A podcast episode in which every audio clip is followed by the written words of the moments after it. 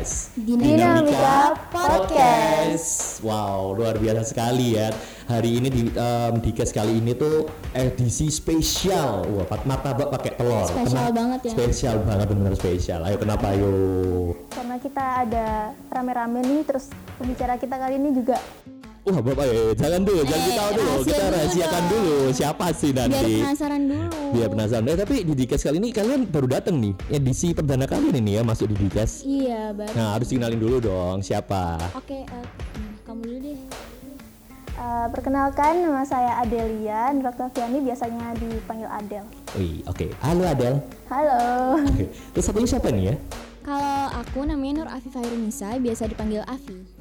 Oke, nah sebelum kita masuk nih ya pembicaraan kita yang sangat luar biasa, terutama kali ini kita kasih clue adalah di bidang media nih, ya kan? Media ini sangat-sangat perannya sangat besar sekali, apalagi di ya. masa-masa pandemi seperti ini teman-teman. Nah, kita baca nih ya, selayang pandangnya dulu nih ya. Hmm, Pandemi COVID-19 bukan lagi hal baru dalam masyarakat. Hal setiap hari sejak akhir tahun 2019, lalu pemberitaan tentang pandemi ini tersebar melalui media massa. Respon masyarakat pun beragam, yakni ada masyarakat yang abai, bersikap biasa, dan bahkan ada pula yang terlalu takut dengan pandemi ini. Hal tersebut karena beragamnya informasi yang diterima oleh masyarakat terkait pandemi COVID-19. Bukan hanya dari media massa, tapi juga media sosial yang lebih sering diakses oleh masyarakat. Oleh karena itu, dalam menggunakan teknologi diperlukan pemahaman literasi media, tentunya untuk menghindari terjadinya penyebaran berita bohong. Nah, dalam podcast kali ini kami akan menggali informasi terkait peran media massa baik melalui radio, televisi, dan juga film selama masa pandemi COVID-19. Oleh karena itu kita menghadirkan sesuatu yang luar biasa dari salah satu radio yang terkenal di Surabaya, Suara Surabaya 100 FM. Dan siapa lagi nih? Ayo siapa? Langsung aja ya kita kenalan dengan beliau sebagai CEO dari Suara Surabaya. Kita sapa dong. Halo Bapak. Halo Selamat sore kawan-kawan. Iya, selamat sore Bapak. Pak. Wah, Pak ini harus mengenalkan dirinya nih Pak karena jadi bintang tamu yang spesial sekali di podcast kita kali ini Pak. Keren Ya, banget sih. Hmm. saya Errol Yonatan, sudah 37 tahun di Suara Surabaya Media dan saya juga merintis eh, karir saya sebagai penyiar, reporter, kemudian penulis naskah. Tapi sekarang saya berada di manajemen. Jadi posisi sekarang adalah direktur utama. Uh, Jadi direktur utama ya, Pak? Sejarah singkat. Apalagi kita Pak ini. Kita harus belajar banyak nih ya. iya, kita banyak belajar ini ya dengan Ini kita Ya, sampai sekarang pun saya masih belajar kok. Oh, gitu. Tetap Karena belajar tidak pernah selesai. belajar tidak pernah selesai. Tuh, Belum apa kita udah dapat inspirasi, iya kan? Nah, baik Pak, kita langsung masuk nih ya ke materi nih Pak. Kira-kira pandangan Bapak nih dengan selain pandang yang tadi seperti apa sih Pak eh, media kita yang sekarang ini atau di masa pandemi seperti ini Pak? Ya, kita sekarang ini sebetulnya kan hidup di dua model media. Ada media mainstream, kalau istilah lainnya adalah arus utama. Lalu orang sering mengatakan itu media-media lama begitu. Tapi saya nggak suka bilang itu konvensional. Kalau konvensional kayaknya sudah nggak berharga Iya. gitu ya. Iya. Tetapi ini media-media arus utama, media lama. Lalu ada new media, media baru. Nah, sekarang kita lihat bahwa informasi-informasi terutama yang terkait dengan pandemi COVID-19 ini, ini kan luar biasa.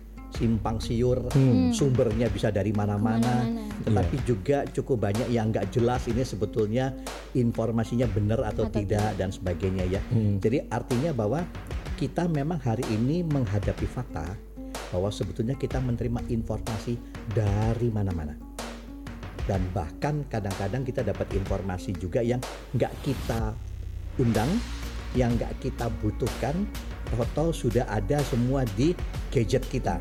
Hmm. Berarti Total- memang Ya. eh, berita itu muncul dari mana saja ya Pak? Yang nggak bisa kita cegah, pokoknya itu akan otomatis datang ke kita dari platform platform mana? Mana pun. Betul, karena kan sekarang ini kan kita sudah terkoneksi secara global. Bahkan kan kita nggak tahu sebenarnya yang menjadi teman kita itu siapa. Karena semuanya kadang-kadang kan serba maya. Hmm. Pokoknya kita terkoneksi dengan ini, dengan itu, dengan itu, rame ngomongnya di platform, tapi sebetulnya nggak pernah face to face, nggak Iya. pernah tatap muka. Karena itu kemudian saya juga bisa melihat begini, banyak orang sekarang akhirnya menyebarkan informasi itu bukan informasi yang dia tahu betul, tapi dia sering ngambil dari mana-mana. Oh, comot Ya. asal comot gitu aja ya. Atau kadang-kadang dia cuma share Iya. karena temannya minta tolong di-share. Dia forward apa yang disuruh forward. Padahal belum tentu itu benar. Belum tentu benar. Belum tentu benar. Tapi artinya begini, kita nggak bisa menolak fakta ini. Dan kita harus terbiasa hidup dengan situasi yang semacam ini. Hmm. Kenapa? Karena kita sudah berada pada abad komunikasi, abad informasi. Dan kata orang sekarang dunia itu informasi semua ada dalam genggaman kita, Hmm. yaitu lewat gadget yang kita pegang. oke. Tapi kan tadi kan bapak bilang oh per, semua informasi ada di tangan kita gitu kan. Nah masalahnya adalah kita sebagai manusia bagaimana sih pak harus mengambil sikap gitu kan agar ya tadi tuh tidak terjerumus dengan yang namanya hoax ya kan. apalagi um, sekitar setelah kita tahu media ini harusnya benar-benar bisa mensajikan Yang uh, bermanfaat. iya bermanfaat informasi yang apa ya yang benar kayak gitu. Ya, memang repotnya kan begini. Kalau saya lihat ini, kita ini sekarang berada pada suasana euforia sebenarnya. Euforia kebebasan informasi. hmm. Kita bisa share apa pun, kita bisa terima apa pun dan sebagainya. Tetapi sayangnya kalau menurut saya, kita ini tidak terlatih secara sistem, secara edukasi yang namanya literasi media. Jadi kayaknya kita ini kecepatan Hmm. Teknologinya datang, kita langsung pakai, sambil pakai sambil belajar. Tetapi sebetulnya secara teknologi kita sebetulnya belum menguasai betul karakter dari teknologi itu. Apa dampaknya? Kalau misalnya ini salah pakai jadinya seperti apa? Atau mungkin kemanfaatannya secara maksimal itu seperti apa? Karena menurut saya karena kita memang tinggal menjadi pemakai Hmm. tetapi kita belum pernah betul-betul untuk menyiapkan diri bahwa ketika teknologi ini datang maka saya harus paham dulu teknologi ini kayak apa sih. Lalu saya harus bisa memikirkan ketika saya terlibat dalam teknologi media itu maka kira-kira apa yang akan terjadi dengan diri saya atau juga dengan orang lain. Ya jadi problematik yang terbesar adalah bahwa literasi media kita belum jangkep belum cukup Hmm. karena yang saya tahu di beberapa negara itu mereka punya pelajaran literasi media secara kurikulum. Oh, jadi dari dasar mereka sudah mendapatkan Sudah. ini pendidikan. Wah. Kebetulan saya pegang ada satu buku itu kayak semacam silabus yang di dalamnya itu memang waktu itu adalah media-media mainstream yang diajarkannya itu. Tapi ini adalah pendidikan untuk anak-anak SD. Oh, berarti emang udah dari SD ya? Ya. Harusnya.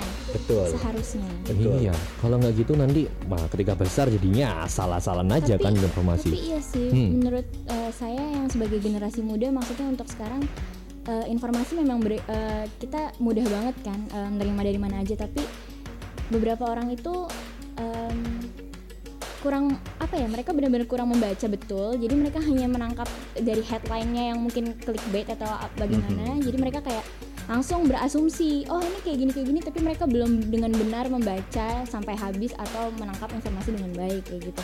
Nah eh, saya mau nanya nih gimana sih buat generasi muda nih tipsnya untuk menyaring berita dengan benar? Maksudnya mungkin eh, mengurangi rasa malas untuk membaca ya kayak gitu. Ya, sebetulnya yang paling gampang kita mulai dulu dari attitude kita, dari sikap kita ya. Saya punya satu kalimat yang sering dipakai oleh banyak orang, yaitu saring sebelum sharing. Saring sebelum saring. sebelum sharing. Hmm. Jadi artinya kalau saya menerima informasi apa pun gitu ya, atau kau lihat ada WA atau atau dari medsos segala macam itu, saya mestinya yang pertama kali saya tumbuhkan adalah saya harus kritis di awal. Hmm. Ini benar apa enggak ya gitu. Kalau saya ragu-ragu, saya mesti ngecek ke mana? Iya. Aku mesti cari informasinya di mana. Jadi sebetulnya ada sikap di awal itu adalah untuk selalu berpikir kritis. Sebetulnya ada dua jenis informasi yang kategorinya buruk. Pertama hoax. Hoax itu adalah kabar bohong. Hmm. Yang kedua namanya fake news. Seakan-akan itu kayak beritanya benar, Iya. padahal itu berita palsu. bedanya gimana? Jadi Wah. bisa jadi misalnya peristiwanya ada, tetapi sebetutnya berita dengan gambarnya itu bukan peristiwa yang sama. Oh, isinya. nggak ada Ya. Hmm. Ada manipulasi istilah Hmm. saya gitu ya. Tapi formatnya itu kayak berita, jadi orang percaya bahwa ini berita gitu.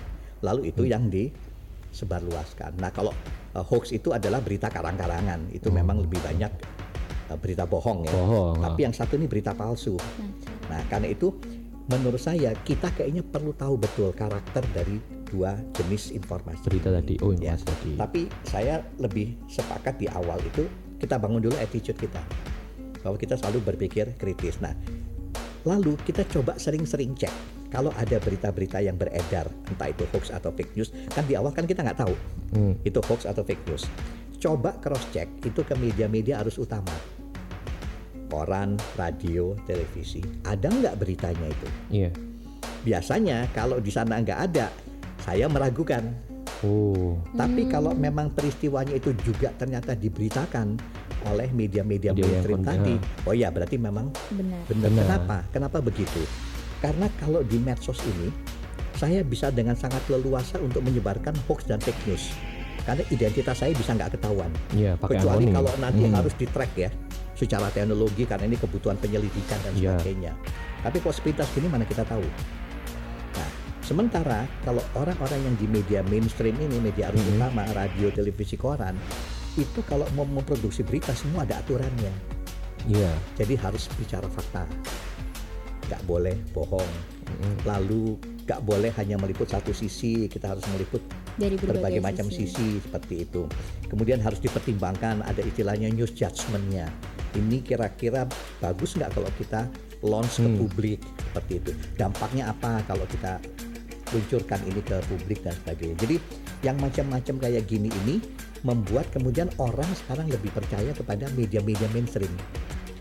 Orang sekarang punya kebiasaan, begitu dia terima informasi yang dia nggak yakin lewat gadgetnya, karena itu misalnya dia terima dari media sosial atau WA group, mereka langsung cross checknya itu ke media mainstream ada nggak gitu.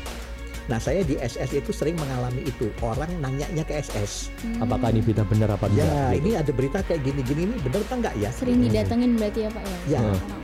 Betul, akhirnya mereka telepon. Telepon. Nah kita carikan narasumbernya, wawancara narasumbernya, Hmm, lalu kita bisa bilang yang bener kayak gini loh, ini loh narasumbernya ngomong kayak begini. Jadi berita yang itu nggak bener, udah jangan diterus-terusin. Hmm.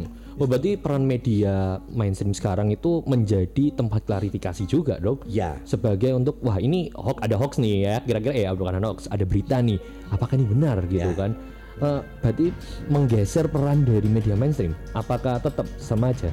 Jadi menurut saya akhirnya kita bisa melihat bahwa siapa bilang media mainstream itu sekarang nggak penting, hmm, dia masih tetap penting. tetap eksis ya Ya walaupun saya yakin anak-anak muda kan lebih suka main medsos, medsos Iya, pasti banget. new media kan. iya new media Ya, dan itu kami bisa paham kenapa? Karena anak-anak muda ini lahirnya eranya sudah teknologinya lain. Mm-mm. Makanya kalau ditanya baca koran, bingung. Dengar radio apa itu? Nonton TV sudah mulai enggak. iya Kan Hmm, begitu. iya, iya. Karena semua-semua sudah ada di sini. Di internet udah di Seperti itu kan. Mm-mm. Nah, karena itu kemudian mereka tidak terbiasa sebab itu istilah saya perlu literasi supaya bisa paham gitu ya bahwa sebetulnya media komunikasi itu ragamnya banyak Mm-mm. lalu mana yang bisa kita gunakan, mana yang sebaiknya kita gunakan dengan lebih hati-hati dan seterusnya. Hmm. Tapi nggak sedikit loh Pak yang masih gener- generasi muda yang menurut saya ini masih banyak yang meremehkan pentingnya literasi ini gitu. Jadi gimana sih caranya menumbuhkan dulu gitu dari buat generasi muda ini nih yang masih apa Iya. namanya kayak dalam masa-masa semangat semangatnya terus kayak ah nggak peduli nggak peduli pokoknya kayak gini kayak gini gitu. Iya Masih apalagi ini kan udah umurnya udah telanjur segini ya pak ya. Nah Kalau kita nggak mungkin dikembalikan ke lagi kecil SD, lagi gitu kan. Nah, apalagi apa yang mesti lakukan nih pak? Ya, jadi kalau buat saya saya nggak nyalahkan akhirnya. Kenapa ya? Karena memang mereka tidak mendapatkan edukasi ini. Hmm. Mustinya kalau kita ngomong juga ini kan ya tugasnya orang tua ya. Hmm, Iya. bener. Ya, tapi pertanyaan apakah orang tua juga terliterasi dengan baik? Nah, Nah, Nah, jangan dia juga iya. nggak dapet. ya. iya Nggak dapet jangan-jangan tapi tetap akan mengedukasi itu. Makanya Wah, ada iya. dua solusi. Jadi yang pertama itu saya udah lama sebetulnya mengusulkan kepada lembaga-lembaga pendidikan itu kalau bisa itu ada kurikulum dan kurikulumnya itu berjenjang. Hmm. Mana yang level tingkat dasar, tingkat menengah, tingkat lanjut Iya. seperti itu. Karena teknologinya kan berkembang terus. Benar. Ya. Nah kalau misalnya nggak dapat di lingkungan sekolah, maka berarti kita harus bikin forum-forum yang sifatnya meliterasi Hmm. seperti itu. Jadi saya membayangkan misalnya kayak di kampus. Nah, kampus dinamika ini kira-kira ekstrakurikulernya apa gitu. Bikinlah diskusi-diskusi tentang literasi media. Kemudian memahami tentang konteks eh, komunikasi dan teknologi. Karena Iya. kan kampus kalian kan produknya di situ. Iya.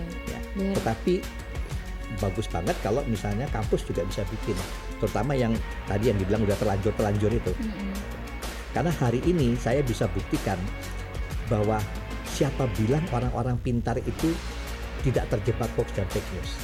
Hmm. Hmm. Itu nggak ada hubungannya sama tingkat pendidikan. ada sih. Iya, bener Pak. Saya juga berasa seperti itu. Kadang ada yang sudah prof, doktor gitu ya, tetap aja membagikan. nah, Ya, Iya dan masyarakat juga melihatnya mentang-mentang mungkin dikiranya berpendidikan tinggi mereka jadinya percaya padahal belum tentu itu benar. benar. betul, Gitu. betul. Nah, saya pernah tanya sama seorang eh, psikolog, ini kira-kira gejala apa sih? Dia bilang ini sangat masuk akal. Biasanya orang itu yang sepakat dengan informasi, apakah itu hoax atau bukan, itu pertama adalah karena dia setuju dengan informasi itu. Hmm. Yang kedua dia suka Suka, maksudnya suka dengan berita Ya. informasinya. dengan dengan informasinya. informasi. Nah itu yang membuat kemudian dia merasa ini benar Hmm, hmm, hmm, hmm. seperti Oke. itu. Sehingga kemudian dia nggak ragu-ragu untuk dia bagi-bagikan Bagikan. eh, ke mana-mana gitu. ya. Cuman based on their opinion aja berarti ya. Ya, Pak. ya, betul. Waduh, sangat ini ya. Iya, siapa tuh teman-teman? Ayo. Eh, ayo, ini ya. Jadi teman-teman semua ini ya, ini yang lihat video kita ini, waduh, kalian harus hati-hati ya kalau punya informasi jangan asal share share share share. Jangan cuman-cuman gara-gara suka doang. Benar. Benar, berpikir kritis sebelum kita membagikan kayak gitu kan. Nah, oke Pak. Nah, terus nih ya, kita sebagai generasi muda nih ya, tadi itu selain kita harus banyak-banyak masuk ke literasi nih ya, untuk memeranginya seperti apa? Tadi kan eh, sikap kita melakukan, kalau kita udah bisa bersikap, berarti apa yang harus kita perangi nih, biar itu berkurang gitu ya? Gak tahu ya, mungkin bisa bisa nggak berkurang, kayak gitu sebenarnya sih. bisa nggak? Tapi menurut saya bisa. Saya saya percaya sepanjang masyarakat semakin banyak yang terliterasi. Sehingga paling sedikit kan gini, nggak gampang-gampang share. Itu aja dulu deh. Hmm. Bahwa kita belum tahu ini informasi ini benar atau enggak begitu. Tetapi kalau kita nggak nge-share segera, kan paling tidak informasi itu kan nggak segera juga beredar. Nah, Karena kan biasanya kan begini, saya nge-share ke Adele, Adele, Heeh. nanti Adele nge-share ke temennya, ke temennya, ke temennya lagi, Temennya. akhirnya jadi viral ke mana-mana kan begitu. jadi viral ke mana-mana. Tapi kalau saya bisa tahan, paling enggak sementara ini informasi ini kan enggak segera Tersebar lari ke mana-mana sambil saya Hmm. cross check. Nah, karena itu menurut saya kita juga harus memperbanyak referensi sebenarnya. membanyak referensi. Ya, perbanyak referensi. Referensi ini bisa diambil juga misalnya, saya masih banyak melihat juga cukup banyak media online yang kredibel. Hmm. Ya, media-media online yang kredibel. Nah, kita mesti lihat itu satu persatu segala macam. Dan kalau teman-teman kepengen tahu bahwa mana ya ciri-ciri hoax, eh, fake news, mana yang bukan, maka kita juga harus bisa mengakses panduan-panduan dari Badan Siber dan Sandi Negara namanya itu. BIM. Nah, Badan Siber dan Sandi Oh, Negara. badan sih beda lagi nih, Pak. Oh, Ya beda lagi. Jadi Hmm. Badan Siber dan Sandi Negara itu yang selalu mendeteksi Mm-mm. mana ini yang hoax atau bukan. Atau kita masuk ke jaringan informasinya Kementerian Kominfo. Kominfo. Ya. Karena dia juga mengklarifikasi terus berita-berita hoax. Jadi sering kemudian mereka merilis yang beredar di WA grup yang katanya bla bla bla bla ini ternyata hoax. Hoax seperti itu. Sehingga akhirnya saya juga sering sering terima di WA saya itu yang tadi pagi aku terima berita bohong tadi itu Mm-mm. siangnya udah muncul ralatnya bahwa ini hoax. Oh. Jadi ada yang artinya memvalidasi Ada. seperti itu. validasi Nah, itu. semua. sehingga dari dari situ kemudian saya bisa tahu. Cuman saya sendiri terus terang nggak gemar untuk sharing. Kenapa tuh? Nggak gemar tuh sharing. Kenapa Pak? Kenapa gemar Pak? Ya, sharing? karena buat saya sekali lagi seperti itu. Saya takut juga nanti Salah. Jadi backlash ini orang media kok malah Lah. blunder kan begitu. Oh iya sih. Padahal saya bola-balik ngomong yang kayak beginian kan. Hmm. Jadi akhirnya saya pikir nggak deh. Nanti saya cuman kasih tahu teman eh itu keliru. eh, itu nggak bener gitu ya. Jadi kadang-kadang saya juga kemudian langsung misalnya di grup yang saya tahu betul, maka saya langsung kasih tahu, saya validasi. Ini loh, informasi yang benar adalah Seperti ini. seperti ini. Bahkan saya sering-sering lihat sekarang di WA grup yang lain itu ternyata ada yang bilang begini, kalau menurut SS nggak bener tuh kata SS tadi kayak gini gini gini.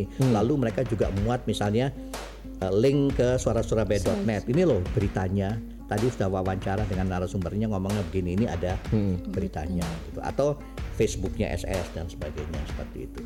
Jadi itu yang saya tadi katakan bahwa ternyata media-media mainstream itu bisa menjadi validator untuk info-info itu. Ya. Nah, buat saya bagaimana cara menguranginya? Maka menurut saya harusnya kaum intelektual Berarti itu lebih ini sadar guru-guru Pak ya. media. Ya, Guru. Dosen-dosen ini. atau paling enggak levelnya mahasiswa lah. Oke mahasiswa. Kamu intelektual iya, iya bukan dosennya doang ya. Oh berarti masih lah Oke, ya. lulus semua yang intelektual ya. Kan mahasiswa udah beda dengan anak-anak SMA ke bawah. kan. Nah, Nah, artinya kan intelektualitanya udah lebih tinggi. Nah, Iya. saya sering juga mengukur kadar intelektualitas seseorang dari tabiatnya bermedia ini. hmm, Kalau dia ternyata masih gemar dengan hoax, wah ini sih belum dewasa kalau buat belum saya. dewasa dalam Nah. bermedia. Ya, artinya apa sih yang dia cari sebenarnya? Padahal kalau kita lihat teknologi ini luar biasa manfaatnya kalau kita bisa memberikan info-info yang lebih positif. Hmm, Apalagi di masa pandemi kayak sekarang. Iya, Ini kan semua kan mengalami tekanan ya, benar. terutama ekonomi kan. Iya. Coba misalnya kita lebih banyak me-share info-info yang menyemangati, yang kasih solusi, Membangun. kasih inspirasi, sehingga orang semua bisa dapat jalan keluar gitu. Nah, tidak terbayang-bayang hal yang jelek-jelek atau kematian Iya, aja gitu iya. Ya. Iya. Benar. Jadi buat, buat saya, ayo kita sekarang lebih banyak sharing berita-berita positif Positif. yang bisa meningkatkan Ah, Semangat. apa? semangat Semangat. orang, ya. Kemudian kita mendorong orang lebih maju. Iya. Apalagi kan sekarang eh, tagline-nya 75 tahun Republik Indonesia kan Indonesia maju. Benar. Nah kalau banyak berita hoax dan kita percaya berita hoax ya kapan majunya? Iya. itu hanya sebagai tagline aja nanti Ya. jadinya. Oke, baik Pak. Em, pertanyaan saya ini ya, em, Bapak tadi kan bilang kalau peran media ini sangat luar biasa sekali ya, apalagi dampaknya juga besar. Di masa pandemi seperti ini Pak, apa sih yang bisa dilakukan oleh media selain tadi membangun gitu kan? Secara kita sendiri ya tiap hari melihat nih eh kematian di Indonesia mencapai segini. Akhirnya kita sebagian udah aduh mati lagi, Aduh, mati lagi. nih? Iya. Nama Parno ya. Kita yang maunya pagi mau ah, beraktivitas di luar Pas malah jadi iya nggak bisa Ya. ke mana. Berarti down. Nah itu apa Pak yang bisa dilakukan Ya. oleh media nih Pak? Jadi artinya kan kalau media selama ini tugasnya menginformasikan, mengedukasi, lalu mensosialisasikan. Mengedukasi. Sekarang Hmm. menurut saya ditambah harus menginspirasi.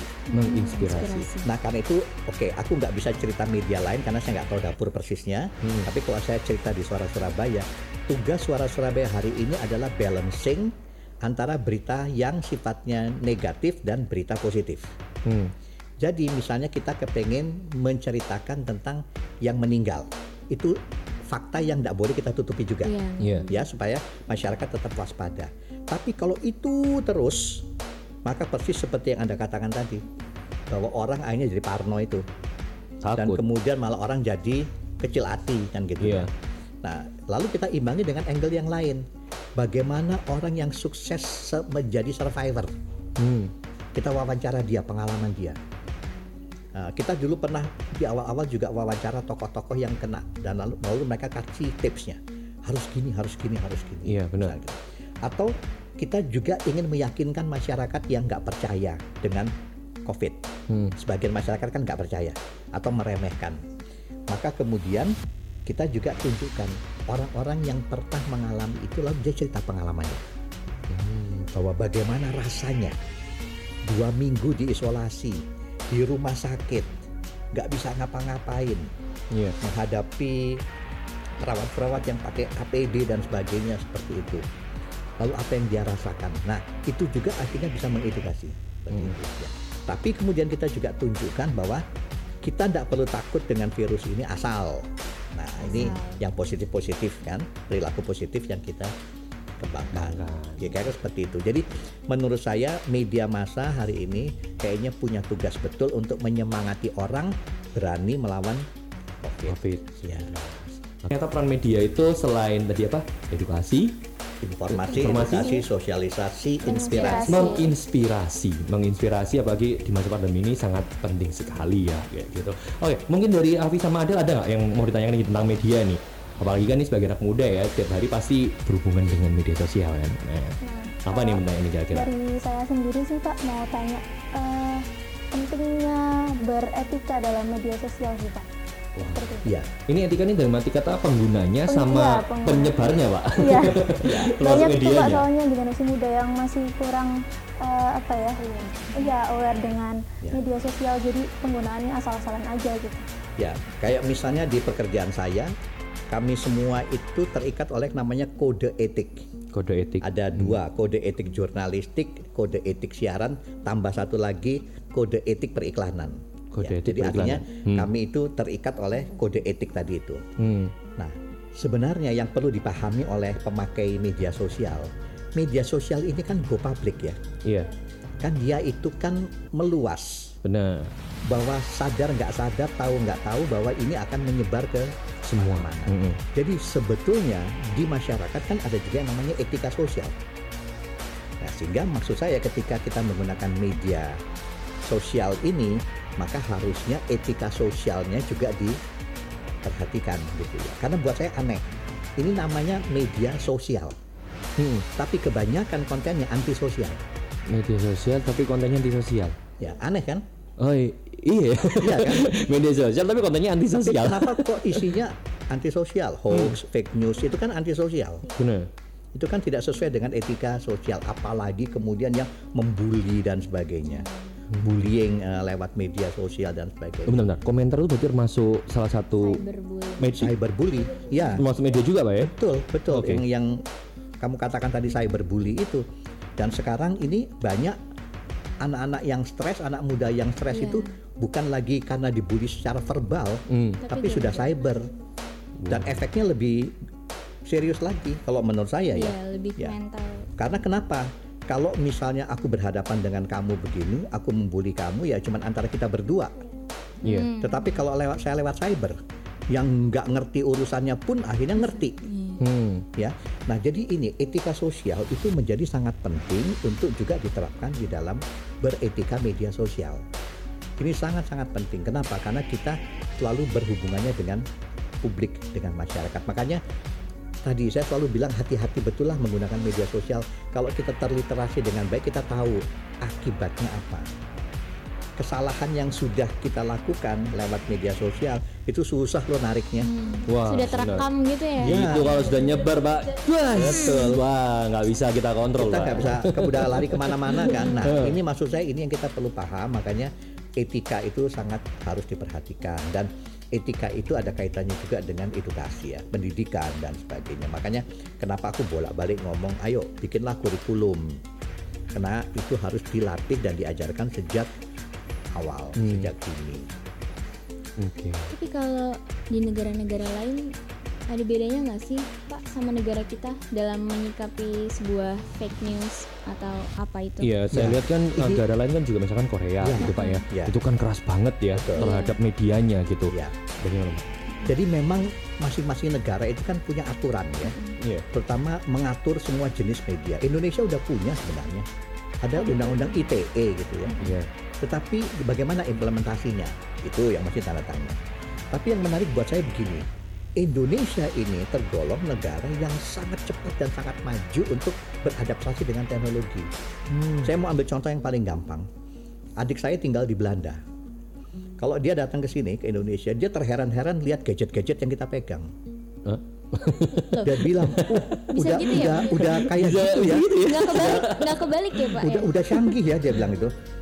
Saya bilang biasa nih di sini. Oh kalau kita nggak sampai belum kayak begitu-gitu amat.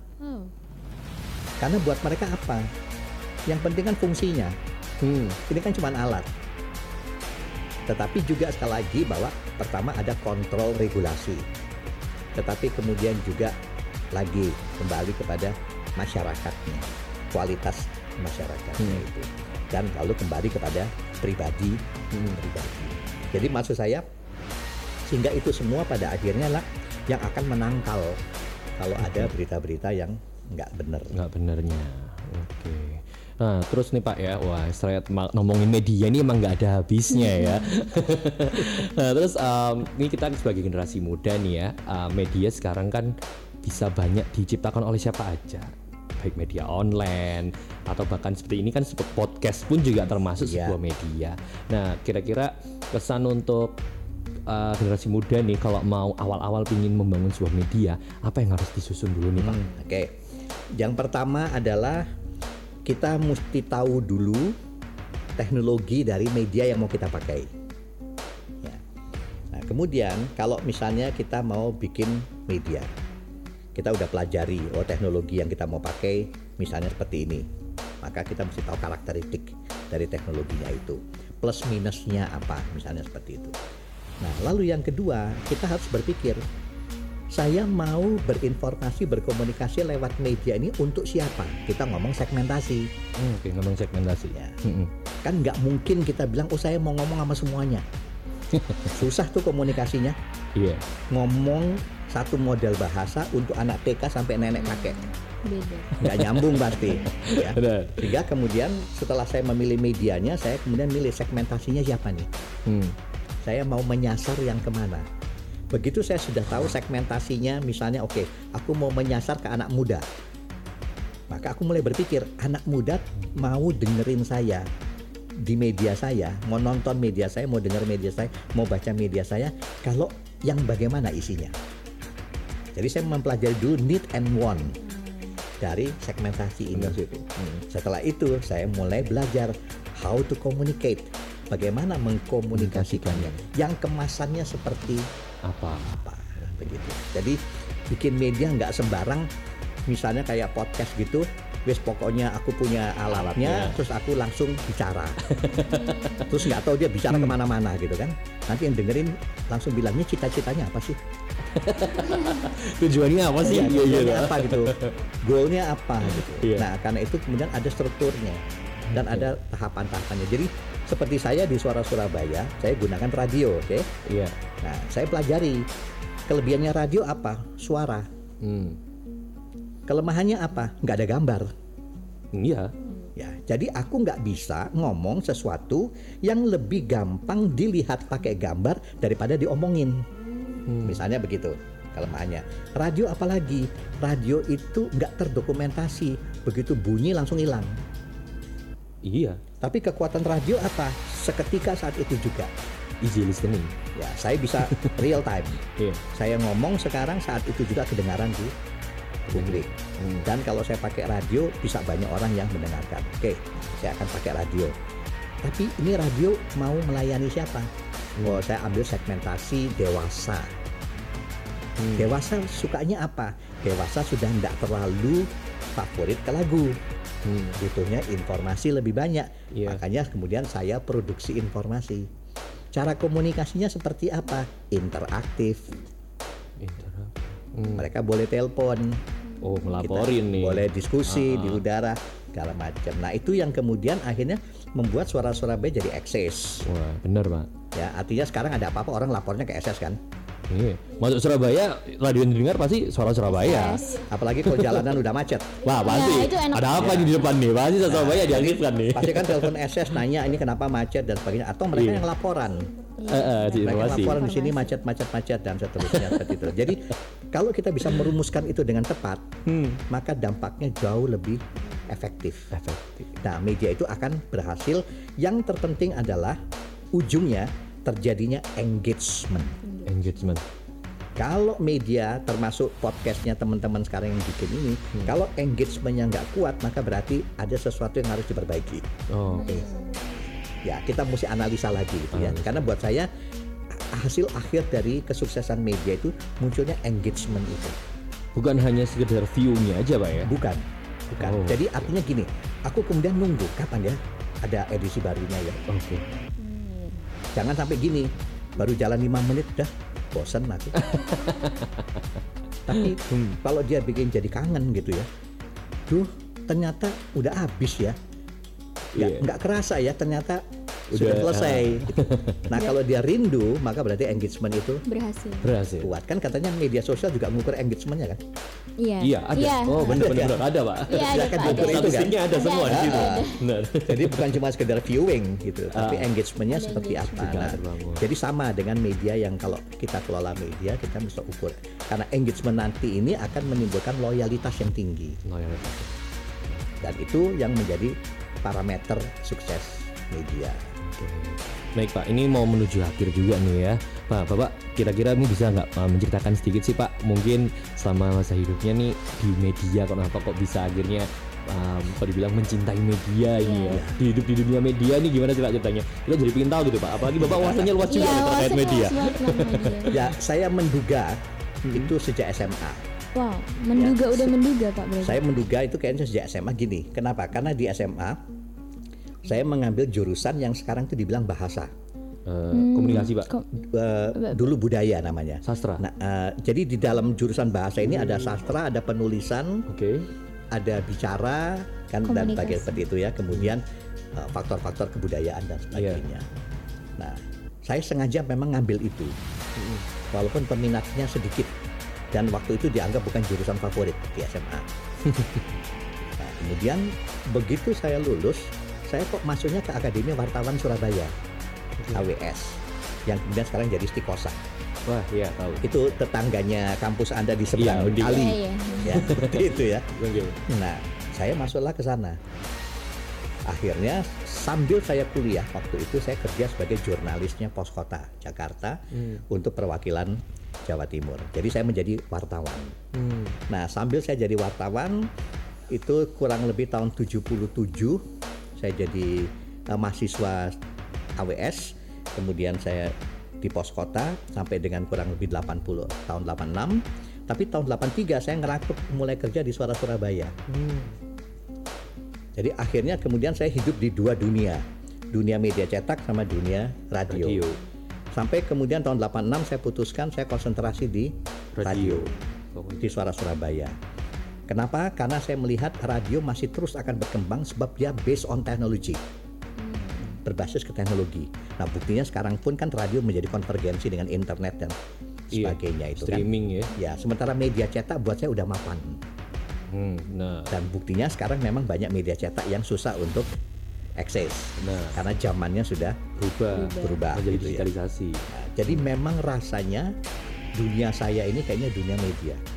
Jadi kalau mau ngomong masa kerja saya di Suara Surabaya, lebih dari separuh umur saya saya ada di sini. Lagi besok. Ya, 37 tahun saya di Suara Surabaya sampai dengan tahun ini. Ya, jadi dan ini kalau buat saya karena ini mungkin passion, Passion ya. ya. Tetapi saya tidak ingin cuma sekedar mengatakan passion, Hmm. tetapi buat saya ini adalah passion dari sebuah cita-cita. Dan kemudian saya harus membungkusnya ini dengan edukasi. Jadi artinya saya bukan sekedar menjadi praktisi, tetapi saya ingin menjadi praktisi yang paham konsep yang bisa bikin konsep. Sehingga untuk itu saya akan bisa eksis kalau saya seorang konseptor tapi saya juga bisa ngerjainnya. Ikut terjun ke lapangan. Ya, Iya. ya, ya. Jadi saya mengambil paradigma gini. Lebih mahal mana? Kalau kita ngomong mode, yang gambar sketch desainnya, kan cat cat cat cat, sama yang jahit. Ehm, Honornya desainer mode itu berapa? Mahal. nah ini di kafe nih. Pokoknya tinggi, tinggi, tinggi pokoknya. Mahal kan ya? Mahal. Dibandingkan yang jahit. Iya. Karena mereka mikir konsepnya. That is. Saya memadukan keduanya. Jadi artinya saya mengusulkan kepada semua teman bahwa jangan sekedar kita menjadi Konsep. orang yang konsep doang Hmm. atau praktisi doang. Jadi menurut saya gabunglah kedua-duanya. kedua. Hmm. Jadilah kita seperti di sepak bola kapten yang bermain. Hmm. Oh iya, ngatur tapi juga Nah, ikut. uh, Nah, jabatanku kapten, tapi aku juga bisa ngegolin gawang. Hmm. Begitu. Nah, buat saya uh, prinsip saya di dunia, dunia media seperti itu.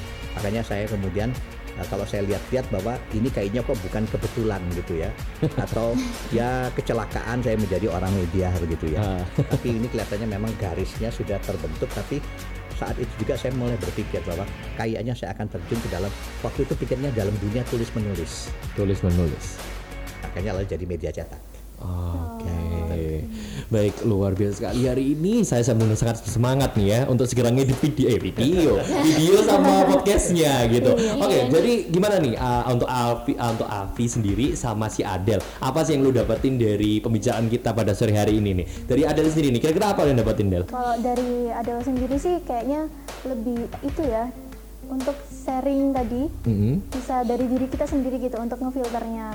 Terus dari ceritanya tadi eh, bisa lebih termotivasi sih untuk mem- apa ya mengembangkan media ini gitu. Oke, nah untuk Alfi sendiri nih kira-kira setelah kita ngomong nih ya, apa yang lu dapetin dari sini? Eh, kalau aku sih banyak banget ya, soalnya aku excited banget eh, sama topiknya ini. Karena menurut aku juga dalam eh, persepsi aku media itu penting banget, nggak bisa cuman apa eh, orang-orang tuh nggak bisa underestimate sebuah media gitu. Jadi ini penting banget dan ini topiknya asik banget.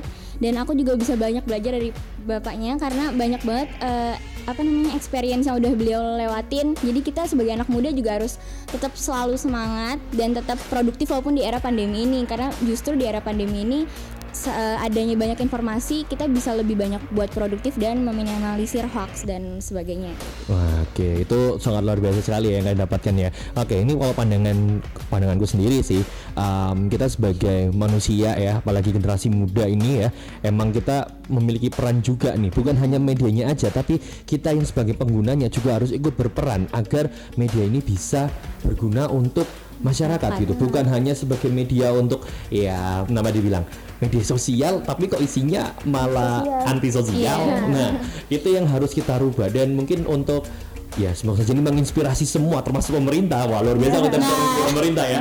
Menanamkan pendidikan sejak eh menanamkan pendidikan media Sejak sejak dini. dini. itu harus iya benar. Wah kenapa nggak dari kenapa nggak dari kecil saya dapat itu ya? Semoga ternyata ada kurikulumnya ya. Iya benar. Iya. Nah itu harus disampaikan. Nah oke Pak untuk tutup tutup dari podcast pada hari ini Pak. Bapak punya kata-kata mutiara apa nih untuk kita kita nih ya yang masih butuh dipandu agar iya. bisa Untuk memotivasi kita, memotivasi ya. kita ah, melalui media muda, nih Pak. Mm-mm. Ya, saya sih nggak punya kata-kata mutiara, tapi prinsip yang selama ini saya pakai Iya. adalah eh, saya selalu kalau bekerja, saya nggak pernah bilang ini bekerja, tapi berkarya. Karena kalau bekerja jadi beban.